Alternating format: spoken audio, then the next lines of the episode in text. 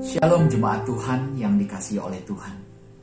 Setiap dari kita pasti mendambakan yang namanya kebahagiaan. Namun fakta di lapangan, tidak semua orang dapat merasakan kebahagiaan yang diinginkan oleh mereka karena mereka salah dalam mencari sesuatu yang dapat membuat diri mereka merasa bahagia. Ada orang yang mengejar banyaknya harta dan merasa bahwa dengan banyaknya harta yang mereka miliki, hidup mereka akan menjadi bahagia.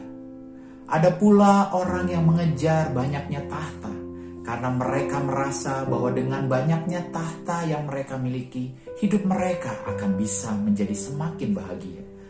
Ada juga orang yang mengejar banyak wanita atau pria karena dikira bahwa dengan adanya pasangan hidup dan teman-teman yang banyak, mereka akan merasa lebih bahagia.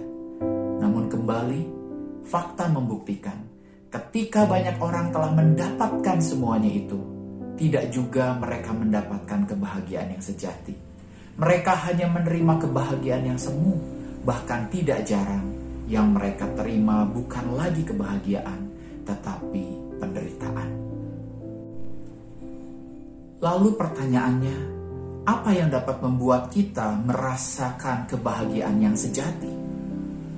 Firman Tuhan berkata di dalam Mazmur 1 ayat 1 sampai 3. Berbahagialah orang yang tidak berjalan menurut nasihat orang fasik, yang tidak berdiri di jalan orang yang berdosa, dan yang tidak duduk dalam kumpulan pencemooh. Tetapi yang kesukaannya ialah Taurat Tuhan, dan yang merenungkan Taurat itu siang dan malam. Ia seperti pohon yang ditanam di tepi aliran air yang menghasilkan buahnya pada musimnya dan yang tidak layu daunnya apa saja yang diperbuatnya menjadi berhasil. Ternyata kebahagiaan yang sejati tidak dapat kita terima dari segala sesuatu yang dunia dapat tawarkan kepada kita. Kebahagiaan sejati hanya dapat kita terima ketika kita mulai menyelaraskan hidup kita dengan setiap perintah-perintah Tuhan. Seperti yang ada tertulis dalam Yakobus 1 ayat 25 yang berkata demikian.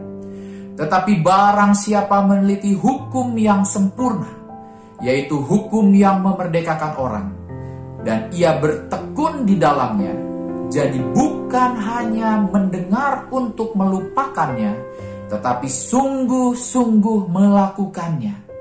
Ia akan berbahagia oleh perbuatannya. Saat ini, apakah kita sudah benar-benar dapat merasakan kebahagiaan yang sejati? Apabila belum, mungkin inilah waktunya untuk kita dapat mengevaluasi diri kita dan mulai bertanya, Apakah selama ini kita telah menyelaraskan hidup kita sesuai dengan kebenaran firman Tuhan? Apakah kita telah menjadi pelaku-pelaku firman dan bukan hanya pendengar saja? Karena firman Tuhan diberikan bukan sekedar untuk mengatur dan membebani kehidupan kita. Firman Tuhan diberikan untuk kita dapat merasakan kebahagiaan tidak hanya di kekinian, tetapi juga suatu saat nanti di kekekalan. Pertanyaannya, apakah kita mau menjadikan firman Tuhan sebagai satu-satunya sumber kebahagiaan di dalam hidup kita? Bukan apa yang ditawarkan oleh dunia. Biarlah masing-masing dari kita yang saat ini dapat menjawabnya. Tuhan Yesus memberkati.